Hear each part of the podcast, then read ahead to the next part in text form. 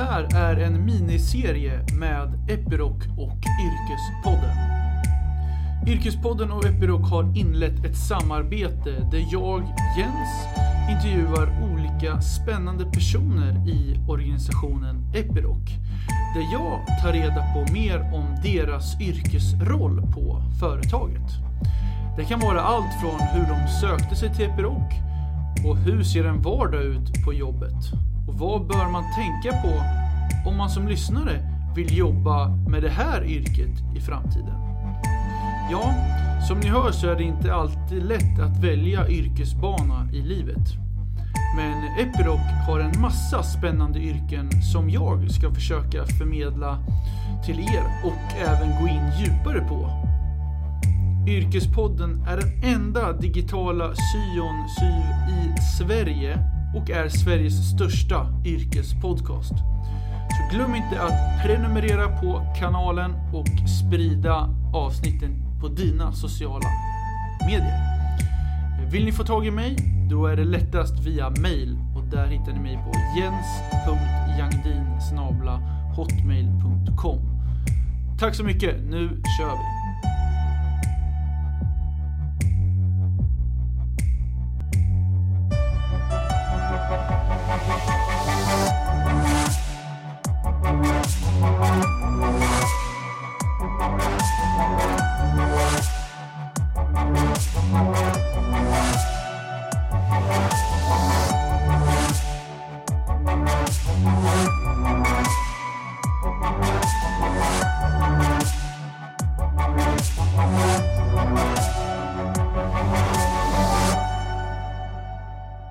Säg varmt välkommen Annette Törnqvist till Yrkespodden.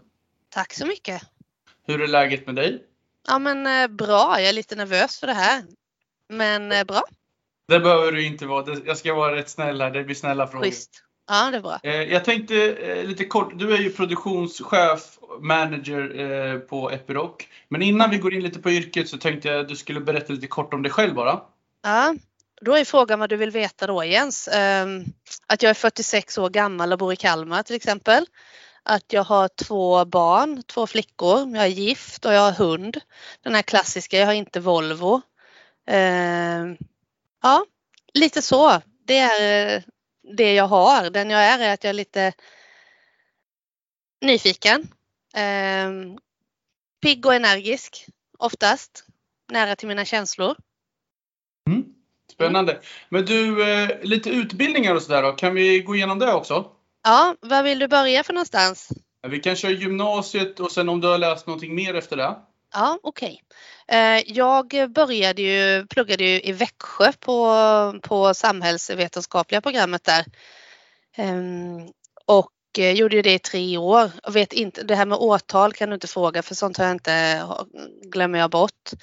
Men eh, efter det så bestämde jag mig. Jag tänkte väl att jag skulle läsa inom socionom, typ något sånt. Så jag började läsa på Växjö universitet sen efter det och läste socialpsykologi. Eh, och fortsatte med det i Lund också. Så jag gjorde det i två års tid. Och sen så fick jag ett eh, brev på posten där det stod Hej, är du tjej och gillar matte? Jajamän, tänkte jag och flyttade till Luleå tekniska universitet och läste datateknisk ingång för tjejer. Och det här var 97, det vet jag tydligt. Och det var ett initiativ av Luleå universitet för att få in mer tjejer på, ja, men på datalinjen helt enkelt. Eh, så då var det ju inbakat både mm, tekniskt basår och ja, men första året ungefär på, på datateknik då. Så det läste jag där uppe i fem år ungefär, blir det fem och ett halvt år med exjobbet också. Så läste jag till civilingenjör. Mm. Mm. Härligt, jättebra att vi fick med det. Eh, jo, jag tänkte egentligen gå in på eh, hur det kom det sig att du egentligen kom i kontakt med Epiroc?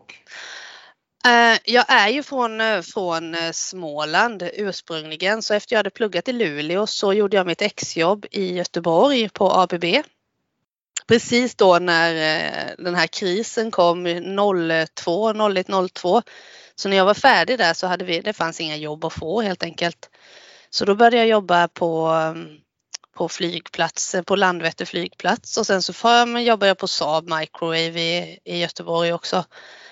Och sen så bestämde vi oss för att flytta hemåt. Och hela tiden här nu under den här perioden så höll jag ju koll på, eftersom jag visste att Atlas Copco fanns i Kalmar och jag är härifrån ifrån eh, trakterna så hade jag koll på det och tänkte ja men Atlas Copco verkar ju vara ett bra bolag. Så när vi flyttade från Göteborg så fick jag jobb på Skanska, också ett mycket bra bolag. Ehm, och sen så hade de en annons här efter ett par år på Epiroc så då sökte jag det som strategisk inköpare och fick det jobbet. Mm. Om vi går tillbaks till hur din rekryteringsprocess såg ut där när du eh, precis skulle gå in i Epiroc. Hur såg den rekryteringsprocessen ut? Oj, det är en ganska gedigen process här i Kalmar som jag är superstolt över. Jag tycker vi gör ett bra jobb i det. Eh, där man, ja, man får komma på intervju och de här bitarna. Och sen så har vi ju även det som kallas för farfarsintervju här så man får träffa sin blivande chefschef eh, också. Så det är en gedigen process för att komma, ja men i alla fall här hos oss i, i Kalmar, vilket jag tycker är bra. Man får en möjlighet att lära känna bolaget lite innan man tackar ja och de får lära känna oss lite bättre, vi som söker också. Mm. Och eh, när du började på Epiroc, kan du ta oss tillbaks till de här första månaderna med just lite utbildningar och hur liksom infasen var? Mm, hos oss här i Kalmar i alla fall så har vi ju något som, ja men vi har en, en, en insko, ett inskolningsprogram kan man väl säga där man, ja men där det förväntas att man går runt och praktiserar på av väldigt många avdelningar, så gott som alla avdelningar faktiskt för att lära känna bolaget. Och det här håller ju på under en, en lång, ganska lång period, under en månad eller två i alla fall. Och det, det är jag inte van vid sedan tidigare. Så det är också en av de grejerna som jag tycker har varit otroligt gynnsamt. För då får man, man får lära känna, man får se hela företaget och inte bara sin lilla avdelning där man, där man börjar. Och man får göra det ganska tidigt. Det tycker jag var fantastiskt bra hos oss här. Mm. Mm. Nej, men superbra. Du, eh, du jobbar ju idag som produktionschef. Eh, om vi går in lite i din vardag då, vad, vad gör du? Ja, det är jätteroligt. Det här är ju den, typ den svåraste frågan att få när man, när man, när man jobbar som produktionschef just nu tycker jag. Eh, för dagarna ser ju aldrig likadana ut. Det enda jag vet är att från klockan kvart över åtta till nio så är det samma, då händer samma sak. Då har vi daglig styrning med produktionsledarna då, mina, mina medarbetare och sen så har vi också sådana här, det vi kallar för line stop där vi tittar på, men vad är det som gör, vad är det som stör i produktion just nu och, och sådär. Så de första 45 minuterna ser oftast alltid likadana ut. Eh, sen så, ja men jag jobbar ju med, med, jag har sju medarbetare under mig, sju chefer då. Så vi jobbar ju ganska mycket med att ja, men jobba med att ta fram strategier för hur vill vi att den här företaget ska, eller vår produktionsenhet ska se ut och tillsammans med ledningsgruppen, hur vill vi att företaget ska se ut och, och så det är mycket nätverkande också. Så det, det finns ingen dag är den andra lik och det passar mig ganska bra. Mm. Mm. Bra. Eh, om du skulle beskriva Epiroc då som eh, företagskultur, hur skulle du beskriva den? Ja, för mig så är ju Epiroc ett bolag med högt i tak. Eh, det är ett, ett gammalt och erfaret bolag som, på, ja, men som mår bra. Men vi är ju nytt eftersom vi blev Epiroc, vi var ju Atlas Copco innan. Så vi är fortfarande hungriga känner jag och det tycker jag är roligt att få vara den här, en del i det här nya som växer fram där vi nu börjar med, med linarbete, en linresa framför, framför oss på bolaget som är otroligt spännande. Ehm, så jag, jag tycker det är en, vi vill alltid bli bättre. Och tittar jag på oss i Kalmar så är det ju en av de nu är jag ju partisk då eftersom jag är produktionschef här, men det är en otroligt trevlig arbetsplats att komma till. Det är lätt att komma in och vara ny här. Alla är väldigt hjälpsamma och, och ja, men det, är, det är trevligt här. Eh, med högt i tak så vi kan alla kan prata med alla och det tycker jag är härligt. Mm. Och som jag förstår det så produktionschefer finns liksom i olika orter i hela Sverige och även i hela världen. Ja, om jag fel.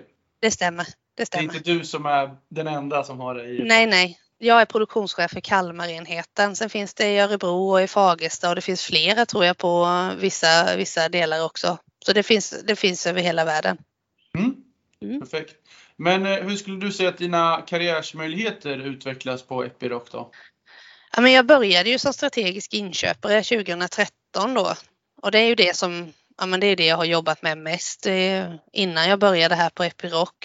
Men sen så fick jag efter ett par år där så fick jag chansen att eh, få prova på eh, att vara chef för, för första gången.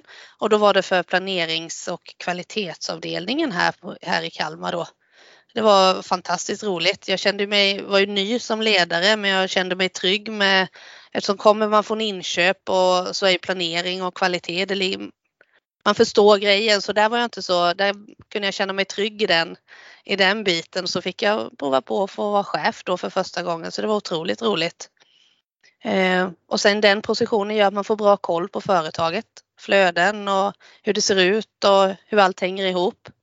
Och sen efter det nu för ett och ett halvt år sedan så fick jag möjligheten att, att, att ja, ta detta jobbet som produktionschef då. Som är, ja, det är otroligt roligt. Ehm, det känns nästan löjligt roligt ibland eh, får jag säga eftersom det är så spännande och så varierande. Och man är med i högt och lågt. Ehm, nej, jag tycker det är kul. Mm, spännande att höra. Eh, och du är lite inne på det här att du ser fram emot vad som komma skall.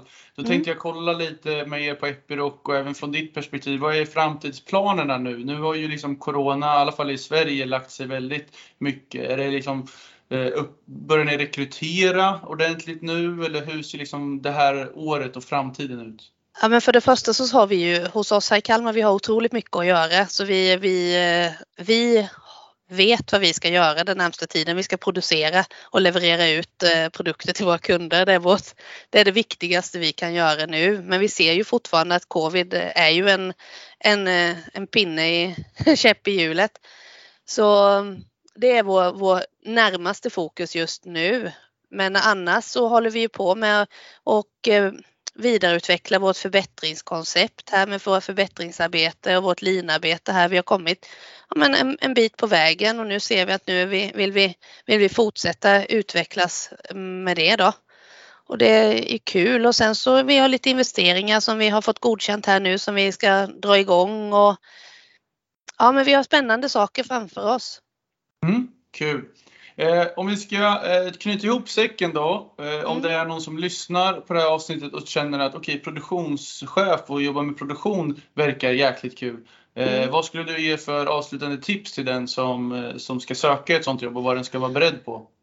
Ja, vad man ska, jag tänker det över, över, överlag då Jens, som jag tänker så, så tycker jag att man ska ha roligt på jobbet oavsett vad man, eh, vad man gör. Det finns ingenting som skapar så bra förutsättningar som att man har roligt på jobbet och att man trivs med det man gör.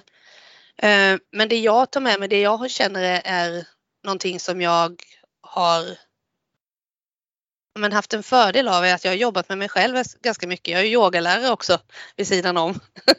Okay. Eh, så, men just det där att man jobbar med, jobbar med sig själv, lär känna dig själv så att du, du vet vad du står för, dina värderingar, så att du hittar ditt ankare eh, tycker jag är viktigt. För det är då man kan börja jobba med andra och verkligen vara, kännas ärlig och äkta i det man vill förmedla och det man vill uppnå. För ibland är det inte roliga saker man behöver göra.